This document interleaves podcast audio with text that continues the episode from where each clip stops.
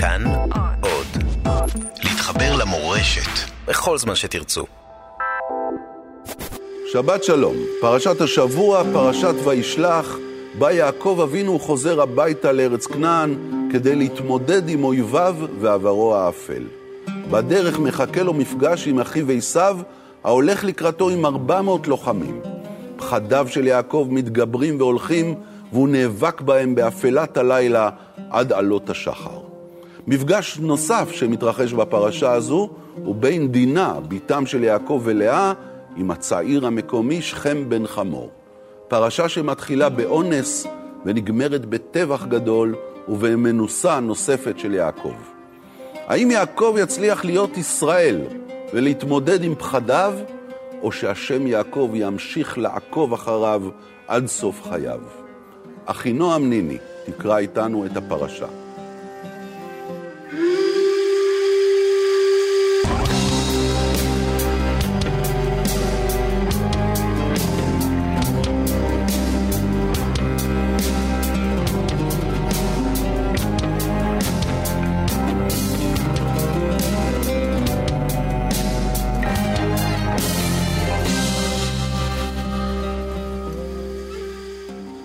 שבת שלום לך, אחינועם ניני. שבת שלום. מה נשמע?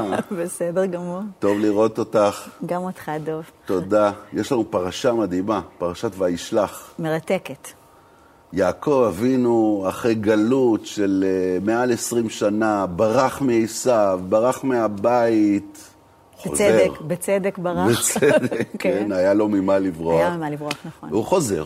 הוא חוזר, כן. ובחזרה יש פחדים, ויש דאגות, ויש חרדות. ואנחנו פוגשים אותו בדיוק ב, בנקודה הזו של המעבר, של הפחד. אולי נקרא כמה פסוקים. יאללה. וישלח יעקב מלאכים לפניו ולעשו אחיו ארצה שעיר, שדה אדום, ויצב אותם לאמור, כה תאמרו לאדוני לעשו, תראי איך הוא מתרפס. כן. כה אמר עבדך יעקב, אם לבן גרתי ואיכר עד עתה. אני מדלג שני פסוקים, ויירא יעקב מאוד, וייצר לו. ויחץ את העם אשר איתו, ואת הצאן, ואת הבקר, והגמלים, לשני מחנות, ויאמר, אם יבוא עשיו ולמחנה האחת, והיכהו, והיה המחנה הנשאר לפליטה. הוא מת מפחד. הוא מת מפחד, כן. למה בעצם? הוא, הוא, הוא בטוח שיהרגו אותו. הוא מת מפחד בצדק, כי מה שהוא עשה לעשו היה דבר איום ונורא. גנב לו את הבחורה. הוא גנב לו את הבחורה, הוא רימה, הוא שיקר, הוא עשה דבר נורא, ממש נורא ואיום. גם שיקר את אביו, את יצחק, קשר קשר עם אמו, כל הדבר הזה זה דבר איום ונורא, ולכן הוא בצדק מפחד. והוא חוצה את, את, את משפחתו כדי שיישאר, אם יקרה משהו, יישאר, הוא שולח מנחה, הוא שולח, הוא משתחווה שבע פעמים אפיים ארצה עד שהוא מגיע, הוא, הוא שם את הילדים בסדר העדיפות כדי שהאהובים... יהיו... הוא עושה הכנות מטורפות, ואז מה קורה? עשיו מחבק אותו, הוא אומר, אחי, אח שלי, מה שנקרא. זה לא יאומן, אח שלי, לא. איזה טוב לראות אותך. זאת אומרת, בדמיון הוא כבר בנה מערכה שלמה, כן. שמחסלים אותו, ויהיה כן. גטו, והוא יצטרך כן, לברוח. נכון. ממש כאילו סיפור הגלות היהודי יש פה. גם הריקודי. מהיפית, וגם כל המניפולציות כדי לנסות להתחמק מהם. נכון. ובפועל. שיש- אנחנו, יש, יש לנו הרבה מה ללמוד מהסיפור הזה, כן, זה, זה ברור. זאת אומרת, זה רלוונטי זה לחיינו. מאוד רלוונטי, זה מאוד רלוונטי, ואני רואה כמה, אה, כמה דברים חשובים פה. קודם כל, העובדה שעשו קיבל אותו באהבה.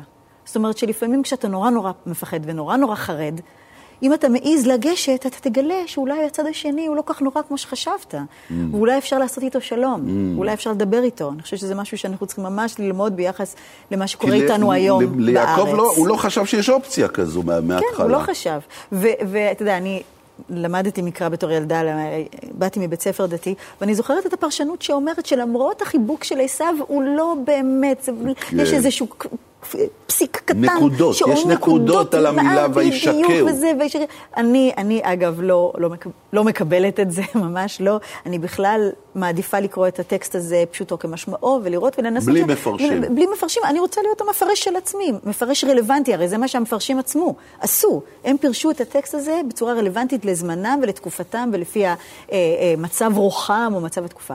אני אומרת שהיום אנחנו יכולים ללמוד שהאויב לפעמים לא כך גרוע כמו שאנחנו חושבים, שאף אחד איננו טלית שקולת תכלת, שכדאי למצוא את הדרך להסתדר, ואפשר גם, והנה עובדה שאפשר. בואי נקרא את הפסוק הזה שדיברת עליו, על המפגש, על הרגע הזה. וירץ עשיו לקראתו, ויחבקהו, ויפול על צווארו, וישקהו, ויבכו.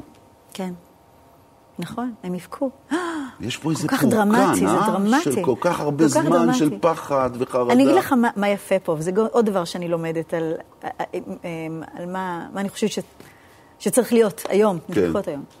יעקב בא לעשו במקום הכי מכובד שאפשר, במקום הכי צנוע. הוא מביא לו מנחות, הוא משתחווה כלפיו. הוא, הוא, הוא מוריד את עצמו והוא, והוא פותח את זרועותיו לקראת עשו למרות כל הרע שהיה, למרות הפחד, היה יכול לנוס, לברוח, הוא טוב בלברוח, הוא לא ברח, הוא התמודד בצורה... ואז אתה רואה שלפעמים כשאתה כן מתמודד ואתה לא מפחד ואתה בא ממקום מכובד, אתה יכול להיות מופתע מאוד מהתגובה של הצד השני. אז מה ואני- את אומרת, שאנחנו נגיד שאנחנו באים היום ל- אדם- לאויבים שלנו, כן, ממקום של. והאמיתיים, כן, ממקום של כבוד.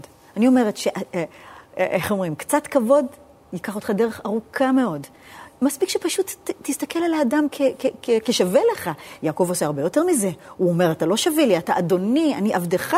אני לא חושבת שזה מה שאנחנו צריכים לעשות ב, בימינו, אבל בהחלט, לא להסתכל על אף אחד מלמעלה, אלא לבוא כשווים, לפתוח את הדלת במקום מכובד, ואז אולי נהיה מאוד זה מה מופתעים. שעשית למשל כשהשתתפת אה, לפני כמה שנים ביום הזיכרון לחללי... שנה שעברה. גם שנה שעברה, כן, לחלל- כל שנה, שנים רבות. לחללים של שני הצדדים בעצם. כן, אני חושבת שטקס הזיכרון הזה הוא אחד מהדברים המופלאים שמתרחשים כאן בארץ. זה אנשים ששילמו את המחיר הכבד ביותר בחיי אהוביהם, ילדיהם, בניהם, בנותיהם, בני משפחה שלהם, שמוכנים לשים את הנקמה ואת הכעס בצד, כמו שעושים כאן שני האחים, ו- ולהתקרב ולבכות ביחד, ויבק, הנה. ולבכות ולבכות ביחד. ביחד. ואני חושבת שאם לא, לא מסוגלים להכיר בכאב של השני ולבכות ולהתאבל יחד, אנחנו גם לא נגיע לשלב השמחה יש- וה, והחגיגה. לא- יש לא- לא אנשים נגיע. שמבחינתם אה, דבר כזה אה, נתפס כבגידה, נכון? ככה, הרבה התייחסו אלייך ככה. כן. החרימו אני, אותך. אני יכולה לשלוח אותם למקרא, כי הנה זה כתוב פה. האנשים שבוכים ביחד יכולים למצוא בהחלט מכנה משותף, אה, משותף ביניהם. אה, ואני חושבת שהטקס הזה, אגב, צריך לציין שהטקס הזה התחיל במועדון קטן בתל אביב, והגיע לממדים מטורפים בפארק הירקון, עשרת אלפים איש השתתפו בטקס האחרון, זה היה טקס מרגש, הוא רק הולך וגדל ותופס תאוצה, ואני מאמינה שגם האנשים שמתנגדים לו, אתה יודע, כשאתה עקשן מספיק, לפעמים אתה מסוגל לשנות אה, פרספקטיבות. את משלמת מחיר על זה היום? כן, אני משלמת מחיר על דעותיי, אבל אני אומרת משפט אחד ואני עומדת מאחוריו, שמחיר הדיבור אולי גבוה, מחיר השתיקה גבוה יותר. מה? ואת אתה בעצם הזה, משתיק את המח... עצמך. לא, מחיר השתיקה. אם אתה רואה עוולה, אם אתה רואה אי צדק, אם אתה רואה משהו שצריך לקום ולעשות מעשה, ואתה לא עושה אותו, המחיר על השתיקה הזאת הוא גבוה ביותר. ומי שישלם את המחיר הזה בדרך כלל ילדיך. ואז אתה צריך לשאול את עצמך, אם אתה רוצה להיות אמיץ מספיק ולהילחם על הדברים שחשובים לך למען עקרונותיך, מדינתך וילדיך שאתה רוצה שיחיו פה, או שאתה מעדיף לשתוק, להשתפן, להיכנס מתחת לשולחן. אני לא יכול אבל שלא לשאול אותך, למרות שזה רק פרשת השבוע, אבל מה דעתך באמת על מה שקרוי חוק הנאמנות בתרבות, שהוא בעצם מה? להשתיק. כן, ברור שאני נגדו. אני חושבת שיש נאמנות אחת, נאמנות לתרבות, נאמנות לאומנות. לא בה, אלא לה, זה על קוצו של יוד, מה שנקרא. שמה זה אומר? כן. זה אומר שאנחנו נאמנים לתרבות ולאומנות. אנחנו עושים אותה בצורה המופלאה ביותר, למען אה, תפארת מדינת ישראל, תפארת אל המוזיקה או אל האומנות באשר הוא. זה התפקיד של אומנים. התפקיד של אומנים זה לא למצוא חן, זה לא לעשות מסאז' לאגו של, ה, של הקהל, ובטח לא לאגו של הממשלה. זה לפעמים לאתגר, גם לפעמים לבעוט ולהכאיב, לפעמים להראות את הדברים היפים בפינות הנסתרות של התרבות, של הקהילה. זה, זה מה שאנחנו צריכים לעשות כמובן. זאת חובתנו כאומנים, וזה מה שאנחנו נמשיך לעשות. אז בואי נמשיך באמת אה, עם הסיפור של יעקב ו- ועשיו, כי מאוד מעניין, אחרי הרגע הדרמטי הזה, ואפילו הפורקן של הבכי ביחד, כן. יעקב לא, לא, לא לא משתף רוצה. באמת פעולה. זאת אומרת, יש פה, כן. יש פה, פתאום אנחנו מגלים שיעקב עושה את עצמו, הוא לא לגמרי שם, כי עשיו כולו פתוח כן. לב ואומר לו, בוא. בוא נהיה לא אחים, רוצה, בוא נלך חשדן, ביחד, בוא נחיה ביחד. ויעקב אומר לו, כן, כן. כן, כן, אני אבוא איתך. עד היום עשיו מחכה שיעקב כן, יגיע בדיוק. לשם, לשעיר. אני, אה, אני אומרת שכשאני קוראת את המקרא היום, ואני רואה את אה, כל מה שקורה במקרא, אני דבר אחד לומדת, צניעות. צניעות. אני רואה שכל אבותינו והאימהות, הנביאים, האנשים שהכי אנחנו גדלנו להעריץ ולחשוב שהם הגיבורים שלנו, היו בסך הכל בני אדם, ועם הרבה מאוד חולשות. אה, אני לא מאמינה בקונספט של עם נבחר או נשגב. לא? לא, ממש לא. אנחנו לא עם נבחר? לא. לא יותר מכל עם אחר. אנחנו במשפחת בני האדם, וכולנו נבחרנו לחיות בעולם הזה. לא בישרנו בשורה מיוחדת בעולם?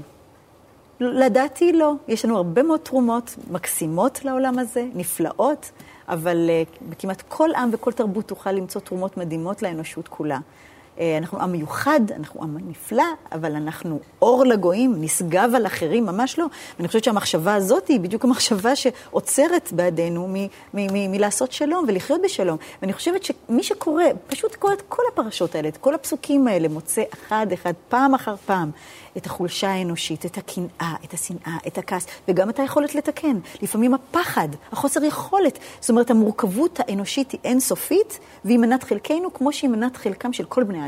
אז אתה בחרתנו, זה גזענות בעינייך? לא, אני חושבת שזה מה שאנחנו רוצים לספר לעצמנו, זה נורא נעים לנו לחשוב שבחרו אותנו. לא, יש לזה משמעות, למשל, אה, יום יבוא אולי, והבת שלך תכיר אה, צעיר אה, כן. ערבי.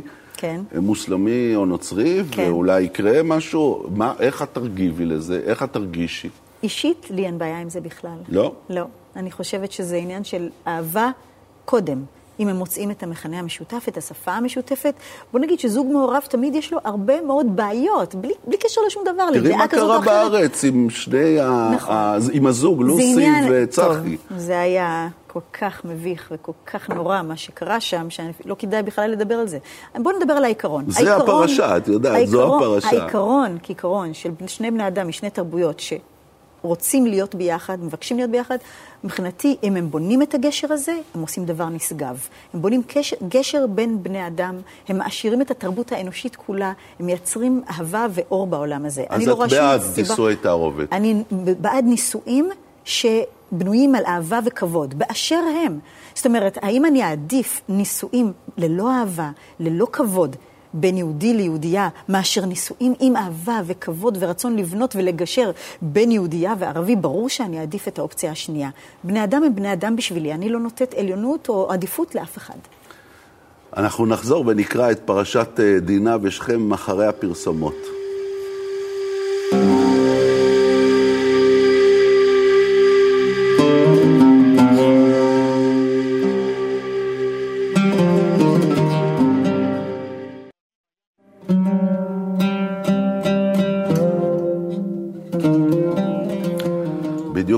הפסקנו לפני הפרסומות עם הסוגיה הזו של נישואי תערובת.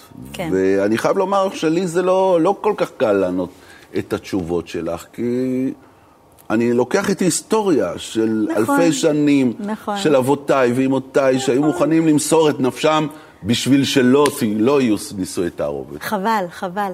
הרבה מאוד נפשות היו ניצלות, אם לא היינו נתפסים לדבר, לרעיון בעיניי המאוד בעייתי הזה. אני לא מאמינה שיש... אבל לא היה נשאר עם יהודי. לא. היה נשאר. תקשיב, אפשר להישאר עם יהודי בכל מיני דרכים. צריך לעשות אבולוציה לקונספט היהודי, כמו שהיהודים, אגב, תמיד ידעו ל- ל- לעשות לעצמם אבולוציה עם התקופות המשתנות. כל דבר שמאובן ולא מוכן להתפתח, בסוף מת, נשבר, מתקפל, נעלם. והיו אינסף תרבויות שנעלמו בגלל זה. אין עם כמו העם היהודי שיודע להתפתח, שהוא מפולפל, אז את אומרת, זו האבולוציה הבאה של העם היהודי. יש כל מיני דרכים לעשות אבולוציה, ואני אומרת שוב, בני אדם הם בני אדם. כל מקום ששם בן אדם אחד עליון על השני, סופו בשפיכות דמים, בצער, בכעס, כמו שאנחנו רואים בדיוק כאן. הנה, הנה אז עכשיו, בואי נראה, פרק ל"ד, ותצא דינה בת לאה. אשר ילדה ליעקב לראות בבנות הארץ. לאה יוצאת נכון. לטייל, להסתובב עם נכון. חברות, וירא אותה שכם בן חמור החיבי, נשיא הארץ, ויקח אותה, וישכב אותה, ויעניה. יש, כן. פה, יש פה אונס, יש כן. פה אונס. ותדבק נפשו בדינה בת יעקב, ויאהב את הנערה, וידבר על לב הנערה. יש כאן עכשיו אבל סיבוב בסיפור. טוויסט. טוויסט. כי נכון, הוא לקח אותה בכוח, לא יעשה. לא יעשה כדבר זה, למרות שכשאנחנו רואים את הסיפורי המקרא, אנחנו רואים שכולם עשו. זאת אומרת, אף אחד לא שאל נשים שום דבר, לא היו זכויות נשים, מעמד האישה היה מחפיר במשך כל הסיפור הנשגב הזה. אוקיי? אז זה דבר אחד. אבל אונס, לא, אנחנו לא בעד, זה נורא, זה לא צריך לעשות. אבל אז מיד אחרי זה, אגב, יש סיפורים בתנ"ך מזעזעים על אונס שנגמר גם ברצח, שנגמר בדברים נוראים, אבל כאן הוא התאהב בה פתאום. הוא אנס אותה והתאהב בה. עכשיו, מה שהוא היה מוכן לעשות בשביל להיות איתה זה מטורף. אחרי שהוא פתאום לקח איזה נערה הזויה, אנס אותה, וכל כך התאהב בה, שהוא היה מוכן, הוא ואביו, למול כל גבר ולהביא אותם לכאב ולחולשה ולזה, ו- ו- ולהשפיל את עצמם ממש מול היהודים, רק מהאהבה לבחורה הזאת. ואני חושבת שאנחנו צריכים להסתכל על זה. ויש כאן עוד דבר מאוד מעניין. הנערה, אם אתה בטח שמת לב, שנערה כתוב כאן בלי ה'. אין כן. ה' במילה נערה. יש פה קריא וכתיב, יש כאן, כן. כן, מה זה אומר שאין ה'? מה זה ה'? הרי ה' זה הנשמה, זה הרוח, זה זה. למה אין ה' במילה נערה? מה את זה מעורר- אומרת? זה מעורר מחשבה. אתה יודע, אין לי תשובה ברורה. אני רק אומרת שאם כבר אנחנו כל כך מייחסים לכל אות ולכל דבר, גם על זה. אגב, אולי לא הייתה נערה, אולי הייתה נער. אולי זה טרנסג'נדר ראשון. אני לא צוחקת. את רוצה להגיד שדינה אני הטרנסג'נדר הראשון? אולי, אולי. אני רק אומרת שהפרשנים במשך ההיסטוריה אמרו דברים מאוד מרחיקי לכת. ואין שום סיבה שפרשניות בימינו אנו גם יאמרו דברים יפה, מרחיקי לכת. זה באמת אנחנו- כיוון שלא אנחנו- תיארתי אנחנו לעצמי. ראינו אהבה בין גברים, מלא, כל הספר הזה מלא.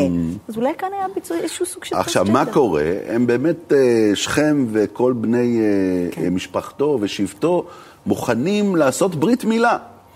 רק כדי מטורף, שיעקב ובניו יסכימו להתערבב לה- איתם. להתערבב איתם, להיות נכון. אחד, איך הם אומרים? אה, אה, תנו נא אותו לא לאישה, אותה לא לאישה, והתחתנו אותנו בנותיכם תיתנו לנו, ואת בנותינו תיקחו לכם, ואתם תשבו, והארץ תהיה לפניכם, שבו, זכרוה ואחזו בה. בואו נהיה בואו. ביחד. נכון, אבל לא. שמעון ולוי לא בכלל לא לוי. מוכנים. קודם אומרים כל, לו, הם- טוב, טוב, תעשו ברית מילה, אין בעיה, ואז ביום השלישי, כן. שכל אה, העיר שכם אה, מתאוששים מה- מהברית, כאבים איומים, הם פשוט פושטים באים, על העיר, רוצחים.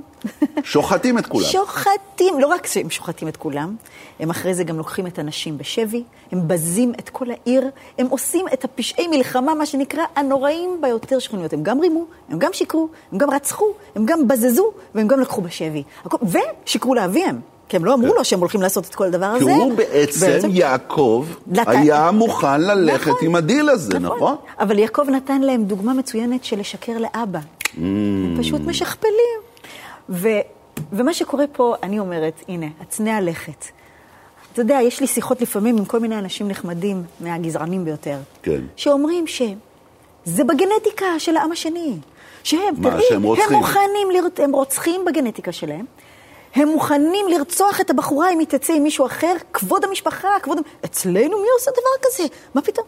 הנה, הנה, הכזונה יעשה את אחותינו? הכזונה יעשה את אחותינו זה אנחנו, עמנו עשה את זה. אז כשאיזה ערבי עושה את זה, אנחנו עומדים, או, מה אבל תשמעי, היה פה פתאום?" אונס, זה לא שהוא. בא כזה שידוך ובוא... אני רק אומרת בפשטות, שלפני שאתה מסתכל על השני ואומר איזה רע הוא, ואיזה נורא הוא, ואיזה דברים יש בתרבות שלו, שאין בשלנו, בוא תקרא את התנ"ך. תראה שגם אצלנו יש את הכל, את הרע ביותר, את האיום ביותר, גם את הניסיון לכפר על הרע, גם את הצדיקים והנביאים והאלה, וגם את אלה ש, ש, ש, ש, ש, שבזו להם ולא היו מוכנים להקשיב. הכל נמצא בתוך הספר הזה, המורכבות האנושית כולה.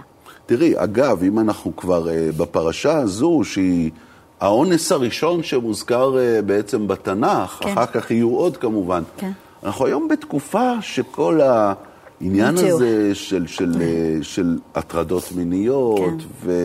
ונשים ש, שנפגעו, ו, וזה יוצא, איך את מרגישה בתוך התקופה אני הזו? אגיד לך, התקופה הזאת נורא מרגשת אותי, ואני אומרת דבר אחד, במשך כל ההיסטוריה, נשים היו משועבדות על ידי המין הגברי, בצורה כזאת או אחרת. אבל זה לא לעולם חוסן. ואני מאמינה באמת, רק אני כל כך מצטערת שאני לא אהיה בחיים לראות את זה, שזה יתהפך. ואנשים... מה, שנשים תעננה את הגברים? אני מקווה שלא, כי אני חושבת שאולי הם כבר למדו כמה דברים, והם Mm. אולי לא יעשו להם מה שעשו לנו במשך כל ההיסטוריה. עשו לך דבר כזה לי, בחיים? אני אישית, לא. אני לא נפגעת. לא, פעם, לא נפגעתי, פעם היה לי איזה אינצידנט כזה, שהייתי נערה עם איזה נער אחר ש... שחשב שהוא, שאני הפקר בשבילו, אבל זה לא הגיע למקום, אני, רואים, זה, אני לא יצאתי עם טראומה מזה או משהו כזה, חס וחלילה. אבל חסרים המקרים, בין חבריי, במשפחתי, מסביבי, בכל מקום. אין אישה כמעט שאין לה סיפור, ויש סיפורים נוראים. אני מעורבת uh, באגודה מדהימה שקוראים לה יחד מחושך לאור, עם בחורה מדהימה בשם אורלי, שנלחמת גם בטראומת ילדות ועוזרת לנשים לצאת מזה. זה רק דוגמה אחת קטנה, יש המון אמיצות ש, שנלחמות עבור, עבור השינוי הזה, אבל אני שוב אומרת שאני מצטערת שאני לא אהיה בחיים ביום שהדבר הזה למה? סוף סוף יתהפך. אולי תאריך ימים וזה לא, יקרה. לא, לא, לא, מה, לא זה צריך, נראה לא לך צריך. רחוק מאוד? זה ייקח זמן, כן, ייקח כן. זמן עד שהדומיננטיות הגברית אה, אה, אה, תתמעט, והתרומה המדהימה של אנשים, שהן יכולות לתרום לעולם הזה, באמת תבוא לידי ביטוי כמו שצריך. את uh, מסתובבת בעולם הרבה, מופיעה בעולם הרבה, ואחד כן. מהמקומות שאת מרבה להופיע בהם זה הוותיקן, כן? אכן, אכן. את כבר uh, חברה של שלושה אפיפיורים, אפשר לומר, זה נכון? די מדהים, אבל כן, הופעתי משנת אה, 94, אני מופיעה בוותיקן עשרות פעמים. מה, אבה מריה? זה לא, הסיפור? לא רק. לא אני רק. לא, הופעתי בכל מיני, ברפרטואר מגוון מאוד, אגב, גם בעברית. Mm. אני חייבת לספר לך על מקרה מיוחד ומרגש ביותר בקרקוב, לפני שנתיים, אה, מול האפיפיור פרנסיסקוס. עכשיו אה, פגשת אותו, לא עכשיו, בסוכות. אבל רק אני אספר לך בשתי מילים על הדבר הזה בקרקוב, זה היה מול שני מיליון איש, וואו. על שדה ענק בקרקוב, בשבע בבוקר המיסה, הוא הגיע בשביל המיסה, ואנחנו נבחרנו, אגב, שגרירות ישראל בפולין היא שיזמה את הדבר הזה, כי היא חשבה, ובצדק, שעם כל הדם שנשפך על אדמת פולין, יש משמעות אדירה שזמרת ישראלית, יהודייה, תשאיר במעמד הזה, ומכיוון שיש לי מערכת יחסים כל כך הדוקה עם הוותיקן, אז נבחרתי למעמד המדהים הזה, באמת היה כבוד אדיר, ודווקא גילי ואני בחרנו לפתוח את ההופעה הקטנה, הקצרה שלנו עם שיר בעברית. איזה זה ולקחנו? את עץ חיים היא למחזיקים בה וכל תומכי המאושר, ב- בלחן של מוצרט, של אבי ורום של מוצרט, עם המילים האלה היפהפיות. תגידי, איך זה להופיע מול שני מיליון איש? זה עושה משהו? אתה יודע, זה או שאת פחות... לא מרגישה? אני אגיד לך, שני מיליון פחות מלחיץ משלושים איש, ודיברת עכשיו, עכשיו היינו, אני ומשפחתי וגילדור כמובן, בחדר קטן עם שלושים איש, ופרנציסקוס שישב על ידינו, וזה היה מרגש ומלחיץ, כי אז רואים הוא כל עין. חמוד מאוד, האפיפיור הזה, נכון? הוא משהו חדש. הוא איש מקסים, הוא משהו חדש. אני ממש אה, מתפללת לשלומו, באמת, כי יש לו גם הרבה אויבים, כמו Mm. כל החדשנים בהיסטוריה. אה, והוא אה, הוא פורץ גבולות, הוא אומר דברים מדהימים על, ה, על, ה, על, על אנשים אחרים, על השוני, על קבלת השונה והאחר. והוא באמת גם נלחם בתופעה של התעללות אה, נלחם, ב- נלחם. בילדים, בכנסייה. נלחם, נלחם בתופעה הזאת. ומקים באמת הרבה אויבים בגלל זה. יש לו הרבה מאוד אויבים, כן. ומה, הוא ממש כזה חבר, הוא איש נכון? מקסים, הוא איש מקסים. בלי, הוא בלי חבקן, רב. הוא באמת, הוא חבקן? חבקן ונשקן.